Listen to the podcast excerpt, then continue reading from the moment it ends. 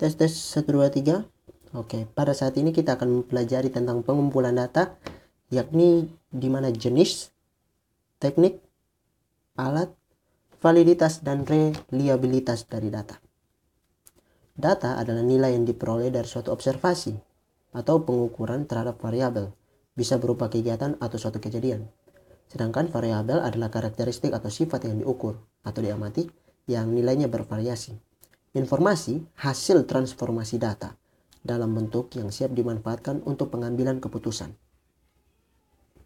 Jenis data itu ada dua, berdasarkan sumber data dibagi atas data primer, data yang dikumpulkan oleh peneliti sendiri, dan data sekunder, data yang diambil dari suatu sumber, biasanya institusi. Berdasarkan bentuknya, ada data kualitatif dan data kuantitatif. Data kualitatif adalah data yang menggunakan bentuk deskriptif bukan angka dalam pengukurannya. Data jenis kelamin misalnya, tingkat pendidikan misalnya. Data kuantitatif, data yang menggunakan angka dalam pengukurannya. Klasifikasi data. Yang pertama ada data nominal, data kualitatif yang nilainya tidak dapat diurutkan. Contohnya jenis kelamin. Seperti itu. Tidak ada yang lebih tinggi antara laki-laki dan perempuan. Ini cuma pembagian atau pengkategorian saja. Yang kedua ada data ordinal. Data ordinal adalah data kualitatif mirip dengan data nominal tetapi dapat diurutkan dari tinggi ke rendah. Misalnya tingkat pengetahuan, kurang cukup baik, atau misalnya rasa dari kue kurang enak, enak, atau sangat enak. Yang ketiga data interval data kuantitatif yang dapat dilakukan operasi matematis. Dapat diukur besarnya perbedaan antara nilai hasil pengukuran tetapi tidak mempunyai angka nol absolut. Contohnya suhu tubuh dan tekanan darah. Ada suhu 0 derajat Celcius bukan berarti tidak mempunyai suhu 0 derajat Celcius tetap juga memiliki arti ruangan tersebut memiliki suhu 0 derajat Celcius. Yang keempat, data rasio. Data rasio adalah data kuantitatif yang dapat dilakukan operasi matematis dan mempunyai angka nol absolut. Tidak memiliki nilai negatif dan punya jarak yang sama. Contoh, umur, berat badan, tinggi badan. Tidak ada seseorang yang memiliki umur nol. Kalau misalkan berat badan atau umur atau tinggi badan nol, artinya dia tidak punya umur, tidak punya tinggi badan atau berat badan. Proses transformasi data menjadi informasi. Yang pertama kita lakukan pengumpulan data, pengolahan data, dan analisis data, serta penyajian data. Yang awalnya berupa data akan berubah menjadi informasi setelah melakukan tahapan tadi. Cakupan informasi kesehatan. Ada data klinis, misalnya tanda-tanda, gejala-gejala, diagnosa, dan lain-lain. Biasa disebut uh, riwayat medis. Lalu ada data epidemiologi. Ini adalah data tren penyakit atau masalah kesehatan. Yang ketiga ada data demografi berisi info statistik mengenai suatu populasi, usia, jenis kelamin. Lalu ada data finansial, keuangan, data penelitian, hasil observasi terukur. Lalu ada data rujukan, yakni formularium, protokol, dan lain-lain. Sumber data kesehatan masyarakat. Yang pertama, data yang berasal dari masyarakat. Population database, database. Semua data yang didapat langsung dari masyarakat. Yang kedua, data yang berasal dari institusi atau fasilitas. Facilitated database. Sumber data berdasarkan metode pengumpulan data. Ada data rutin dan data non-rutin.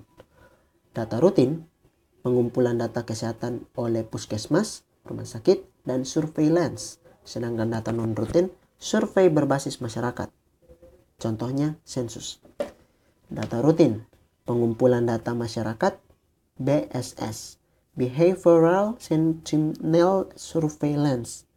Lalu ada LAM atau Local Area Monitoring. Lalu atau PWS. seperti itulah. Data non-rutin contohnya survei national sample seperti Riskesdas, Susenas, SDKI, dan lain-lain. Contoh data rutin lainnya pengumpulan data kependudukan atau registrasi vital oleh BPS, Badan Pusat Statistik, dan data non rutin yaitu survei local sample rapid survey. Simpelnya data rutin itu data yang diwajibkan untuk diambil sedangkan data non rutin adalah data yang sewaktu-waktu diambil dalam uh, acara tertentu atau momen tertentu ya seperti itu. Teknik dan alat pengumpulan uh, data. Teknik pengumpulan data. Yang pertama wawancara. Alat pengumpulan datanya bisa menggunakan pedoman wawancara, checklist, kuesioner, alat perekam. Teknik pengumpulan data yang kedua observasi. Bisa alat pengumpulan datanya panca indera, alat tulis, jam, timbangan, kamera, dan lain-lain. Lalu teknik pengumpulan data menggunakan data sekunder, maka alat pengumpulan datanya checklist dan form pengumpulan data. Teknik pengumpulan data lainnya kuesioner tertulis. Alat pengumpulannya ya kuesioner. Teknik pengumpulan datanya FGD, forum group discussion, maka alat pengumpulan datanya pedoman FGD, alat tulis, alat perekam. Teknik pengumpulan data lainnya seperti teknik proyektif, maka alat pengumpulan datanya GPS dan form pengumpulan data. Wawancara, kita membahas teknik pengumpulan data yang pertama. Wawancara adalah teknik yang paling banyak dipakai, menggunakan instrumen kuesioner dengan pertanyaan terstruktur atau terbuka. Wawancara adalah proses interaksi timbal balik antara pengambil data dan responden. Dibagi menjadi dua jenis, ada wawancara terstruktur, yang kedua ada wawancara semi terstruktur. Wawancara terstruktur menggunakan kuesioner dengan pertanyaan tertutup.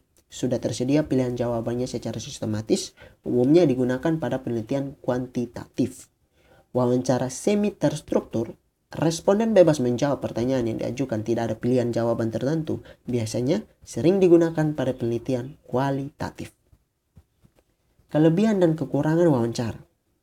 Kelebihan, respons informan terlihat dibandingkan dengan kuesioner tertulis. Yang kedua, memungkinkan adanya klarifikasi. Kekurangannya, jawaban dapat dipengaruhi pewawancara atau situasi sekitar sayang sekali maka kalau kita mau wawancara sebaiknya di tempat uh, yang nyaman untuk bincang-bincang. Yap. Next, wawancara mendalam atau in-depth interview adalah teknik penelitian kualitatif dengan melakukan wawancara secara intensif kepada informan untuk menggali pendapat mereka tentang suatu ide atau program atau kejadian. Karena tujuannya adalah menggali info lebih dalam, maka perlu wawancara yang terampil dengan menggunakan pertanyaan-pertanyaan terbuka. Teknik ini tepat dilakukan jika masalah yang diteliti bersifat sensitif, misalnya aborsi atau perilaku seksual, atau rumit, bagaimana proses seorang dokter menangani penyakit, atau tentang berpotensi menghadapi tekanan kelompok tertentu, misalnya tekanan kelompok sebaya ya misalnya dalam situasi status khusus responden kelompok elit. Ya berarti kita harus uh, cari tempat yang tepat. Serta lokasi yang tersebar secara geografis. Itu masalah masalah-masalah yang bisa kita angkat. Kelebihan wawancara mendalam. Yang pertama dapat memperoleh informasi yang lebih terperinci dibandingkan data yang dikumpulkan melalui survei. Yang kedua, saat pengambilan data, responden akan merasa lebih nyaman untuk bercerita dibandingkan metode survei dengan pengisian kuesioner. Keterbatasan wawancara mendalam. Yang pertama, rentan terjadi bias, baik dari sisi pewawancara ataupun dari sisi informan. Karena itu, harus merancang instrumen dan proses pelaksanaan dengan teliti dan detail, termasuk menentukan siapa yang akan menjadi pewawancara. Perlu waktu yang intensif untuk wawancara, membuat transkrip dan menganalisa hasil. Yang ketiga, wawancara harus dilatih secara khusus mengenai teknik wawancara. Dan yang terakhir, tidak dapat digeneralisasikan. Sayang sekali. Metode pengumpulan data yang kedua, observasi. Pengambilan data mengenai uh, observasi merupakan pengambilan data mengenai perilaku yang terjadi secara natural atau alami dalam konteks kehidupan keseharian dengan menggunakan panca indera. Misalnya, untuk mengetahui kepatuhan bidan terhadap SOP, pengamatan cuci tangan yang benar, maka kita lakukan tanpa bidan tersebut ketahui atau kita langsung mengamati. Ada dua cara observasi. Observasi partisipatif. Observer mengambil bagian dalam situasi yang diamati. Pengamat mempunyai dua fungsi, sebagai peneliti terselubung, tidak diketahui orang lain, dan sebagai anggota kelompok yang diamati. Wow. Yang kedua, observasi non-partisipatif. Pengamat mengamati situasi secara terbuka atau tersembunyi, tapi tidak ikut berpartisipasi dalam kegiatan yang diamati. Hmm, seperti mata-mata. Next. Kelebihan teknik observasi. Info yang didapat mempunyai reliabilitas yang tinggi. Melihat langsung proses yang sedang terjadi dalam kondisi nyata yang sulit dijelaskan dengan kata-kata. Wow. Observasi dapat mengidentifikasikan kegiatan yang tidak bisa didapatkan dari teknik pengumpulan data yang lain. Observasi dapat menggambarkan lingkungan fisik setiap kegiatan, tata letak peralatan, penerangan, kebisingan, dan lain-lain. Teknik ini dapat digunakan untuk mengumpulkan jenis info yang berbeda-beda dengan cepat dalam situasi darurat, seperti bencana. Tidak memerlukan sumber daya yang mahal atau pelatihan yang rumit dibandingkan dengan teknik lainnya. Mudah diimplementasikan di lapangan. Kekurangan teknik observasi adalah orang yang diamati merasa terganggu atau tidak nyaman, sehingga ada kemungkinan akan melakukan kegiatannya dengan tidak semestinya atau berusaha lebih baik dari biasanya. Kegiatan di observasi tidak selalu dapat mewakili tingkat kesulitan atau kondisi tertentu yang jarang terjadi. Observasi dapat mengganggu pekerjaan atau kegiatan yang sedang berlangsung. Menggunakan data sekunder. Data sekunder ini adalah teknik pengumpulan data ini. Ketiga, menggunakan data sekunder. Data sekunder dapat digunakan untuk pembanding atau pengulangan terhadap penelitian aslinya. Kedua, reanalisis atau untuk dianalisis kembali. Yang ketiga, pengembangan metode dan desain penelitian. Dan yang keempat, pengajaran dan pembelajaran. Kelebihan penggunaan data sekunder, yang pertama murah, ekonomis, dapat diakses dengan teknologi internet dari database resmi instansi yang mempublikasikan informasi atau data tersebut. Yang kedua, data time series yang ketiga, cepat atau hemat waktu. Peneliti punya lebih banyak waktu untuk melakukan analisis. Keempat, sedikit aktivitas dalam pengumpulan data dibanding survei ke lapangan. Kelemahan pemakaian data sekunder yang pertama data tidak lengkap atau tidak teratur. Data bersifat tetap, tidak dirancang untuk menjawab pertanyaan penelitian kita. Sehingga mungkin ada beberapa informasi yang diperlukan tetapi tidak tersedia. Yang kedua, sulit mendapatkan akses ke catatan atau laporan yang diperlukan. Yang ketiga, peneliti tidak ikut serta dalam perencanaan dan pelaksanaan pengumpulan data sehingga tidak dapat memastikan kualitas data sekunder yang akan dipakai. Hmm. Tertulis. Inilah teknik pengumpulan data. Yang selanjutnya, Alat pengumpulan data berupa kuesioner yang harus dijawab sendiri oleh responden dalam bentuk tertulis. Dapat berupa kuesioner melalui email, medsos, atau aplikasi penelitian lain. Merancang kuesioner yang baik mulai dengan menyusun draft. Kuesioner harus diuji cobakan untuk memastikan reliabilitas dan validitasnya. Hal-hal yang harus diperhatikan dalam penyusunan kuesioner yang pertama merumuskan tujuan.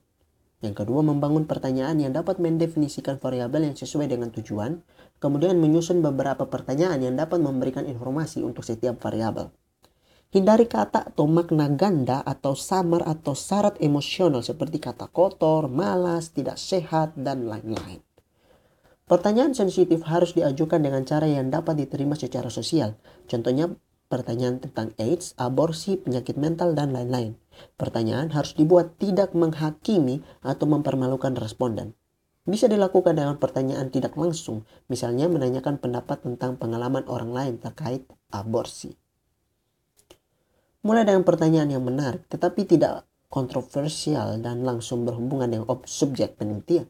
Gunakan bahasa sederhana. Perhatikan format kuesioner. Hal pengantar terpisah dengan isi kuesioner. Kuesioner tertulis harus menyertakan pedoman. Kelebihan dan kekurangan kuesioner. Kelebihannya murah, memerlukan SDM yang tidak banyak, memungkinkan anonim sehingga responden lebih jujur. Ya. Kekurangannya jika ada pertanyaan yang tidak dimengerti oleh responden akan sulit diklarifikasi. Teknik pengumpulan data yang selanjutnya adalah FGD atau Forum group discussion. Salah satu teknik pengumpulan data dalam penelitian kualitatif, ya, ini FGD. FGD merupakan bentuk wawancara mendalam yang dilakukan dalam kelompok. Peneliti harus menciptakan situasi yang mendorong peserta untuk berbicara satu sama lain, saling bertanya dan berdiskusi, dan saling memberi tanggapan dari berbagai sudut pandang. Teknik ini sangat berguna untuk menggali pengetahuan dan pengalaman orang, serta dapat digunakan untuk menguji bukan hanya apa yang dipikirkan responden, tetapi juga cara berpikir responden. Data yang dihasilkan berupa transkrip diskusi kelompok serta refleksi dan catatan moderator. Tujuan dari FGD mengetahui pemahaman peserta mengenai topik yang diajukan. FGD juga dapat digunakan sebagai penelitian awal atau untuk memperjelas hasil analisis data. Karakteristik dari FGD, pesertanya terbatas 6-12 orang saja. Tidak saling mengenal tentunya. Yang kedua, ditujukan untuk mencari info spesifik yang sifatnya kualitatif dilaksanakan dengan diskusi yang terfokus pada satu persoalan saja. Peserta sebaiknya homogen agar setiap peserta memahami topik yang dibahas dan merasa nyaman berbicara satu dengan lainnya. Biasanya berlangsung sekitar 60-90 menit. Kelebihan FGD lebih mudah dan murah, dapat memperoleh data lebih cepat, memungkinkan untuk menggali informasi lebih dalam, bahkan mungkin bisa menghasilkan hipotesis baru. Dapat memperoleh data dari interaksi di antara peserta. Kekurangan FGD membutuhkan moderator yang terampil. Analisis data lebih sulit karena harus memperhitungkan interaksi dalam kelompok dan sulit menginterpretasikan pendapat peserta sesuai konteks penelitian. Teknik ini mengandalkan pengetahuan dan pendapat peserta. Sulit memastikan apakah pendapat pribadi atau sudah dipengaruhi pendapat orang lain. Hmm. Yang berikutnya, teknik proyektif. Teknik pengumpulan data yang dibantu dengan memanfaatkan stimulus verbal, visual, dan keduanya. Ya. Peneliti dapat meminta informan untuk bereaksi terhadap beberapa jenis stimulus visual atau verbal. Misalnya, menyelesaikan secara tertulis kalimat-kalimat seperti jika saya mengetahui tetangga saya menderita kusta, saya akan titik titik titik. Itu adalah contoh teknik proyektif ya dalam mengumpulkan data. Data dikombinasikan dengan wawancara atau kuesioner tertulis atau dengan FGD. Semakin lengkaplah dia. Validitas kuesioner. Oke, itu tadi adalah jenis-jenis dan cara serta teknik pengumpulan data. Kita akan melihat suatu data disebut valid dan reliable, itu seperti apa? Maka mari kita perhatikan. Validitas kuesioner. Valid jika pertanyaan pada kuesioner mampu menjelaskan variabel yang akan diukur oleh kuesioner tersebut. Misalnya, untuk mengukur kepuasan pasien, maka pertanyaan yang diajukan harus mencakup seluruh dimensi tingkat kepuasan seperti pelayanan dokter, pelayanan perawat, sarana dan fasilitas RS, waktu tunggu, pelayanan apotik, dan lain-lain. Tidak bisa hanya diukur berdasarkan pelayanan dokter saja atau secara fasilitas saja untuk mengukur kepuasan pasien terhadap satu rumah sakit misalnya. Tiga jenis validitas. Yang pertama ada face validity, yang kedua construct validity, yang ketiga criterion validity. Yang pertama, face validity. Seberapa kemampuan sebuah pertanyaan untuk mengukur apa yang seharusnya diukur? Ya. Face validity adalah seberapa kemampuan sebuah pertanyaan untuk mengukur apa yang seharusnya diukur. Contoh, pertanyaan, seberapa jauh Anda terlibat dalam penanggulangan DBD? Apakah betul pertanyaan itu dapat mengukur keterlibatan responden? Uji validitas tipe ini melalui penilaian pakar. Wow. Yang kedua adalah construct validity. Seberapa kemampuan satu atau beberapa pertanyaan mengukur sebuah konstruk atau variabel tertentu. Misalnya, apakah pertanyaan 1 sampai 10 mengukur variabel Y? Pengujian dilakukan dengan analisis faktor dan korelasi. Hmm.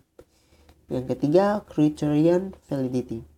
Mengukur suatu pendapat yang berasal dari partisipan berbeda. Contoh pertanyaan yang sama diberikan kepada responden dengan pendidikan rendah dan pendidikan tinggi. Wow. Yang berikutnya kita akan lakukan uji validitas. Nah, uji validitas dilakukan dengan cara melakukan korelasi antar skor masing-masing variabel dengan skor totalnya. Dikatakan valid jika skor variabel berkorelasi signifikan dengan skor totalnya. Kuesioner dengan skala Likert uji menggunakan korelasi Pearson Product Moment dengan aplikasi program SPSS ya ini ini caranya ya menggunakan uh, SPSS dengan uh, uji Pearson Product Moment. Kuesioner dengan skala discontinuum dengan skor 0 dan 1 uji menggunakan koefisien korelasi bisera, biserial dengan aplikasi program item analysis keputusan uji. Bila R hitung atau R person lebih atau sama dengan R tabel, maka item tersebut valid. Bila R hitung atau R person, person kurang dari R tabel, maka item tidak valid. Setelah kita mengukur validitasnya, data ini valid atau tidak, kita akan mengukur data ini reliable atau mewakili kenyataan sebenarnya atau tidak. Reliable jika jawaban seseorang terhadap pertanyaan konsisten dari waktu ke waktu. Ini adalah pengertian dari reliable. Konsisten berarti yang dia alami benar, tidak mengada-ngada. Misalnya, jika responden menjawab kurang setuju terhadap pertanyaan tertentu, maka di lain waktu jika ditanyakan uh, lagi untuk hal yang sama, seharusnya jawaban tetap konsisten seperti semula, ya kan? Ada dua cara pengukuran reliabilitas. Yang pertama, repeat measure, ukur ulang, jarang dilakukan karena makan waktu dan biaya ya. Atau yang kedua, one shot, pengukuran hanya sekali kemudian hasilnya dibandingkan dengan hasil pertanyaan lain. Wow. Jadi kita kasih pertanyaan lain yang kira-kira mirip dengan pertanyaan pertama yang seharusnya memiliki jawaban yang sama. Mantap. Uji reliabilitas pada kuesioner menggunakan skala Likert, kita menggunakan uji Cronbach Alpha menggunakan SPSS ya aplikasi. Kuesioner dengan butir soal diskontinuum menggunakan rumus KR20 program item analysis untuk menghitung koefisien reliabilitas. Keputusan uji. Bila nilai Cronbach alpha lebih dari sama dengan konstanta 0,6, maka pertanyaan reliable. Bila nilai Cronbach alpha kurang dari konstanta 0,6 maka pertanyaan tidak reliable. Prinsip uji validitas dan reliabilitas. Yang pertama, uji validitas kuesioner diambil responden sekitar 30 orang. Yang kedua, responden untuk uji coba kuesioner tidak boleh sebagai responden penelitian. Jika memungkinkan, lakukan uji coba di tempat yang berbeda dengan tempat penelitian tetapi karakteristik respondennya tidak jauh berbeda. Tiga, uji validitas dilakukan untuk masing-masing pertanyaan dari variabel konsep. Artinya, saat proses mengolah uji validitas, tidak boleh disatukan antara beberapa variabel konsep. Harus diolah masing-masing.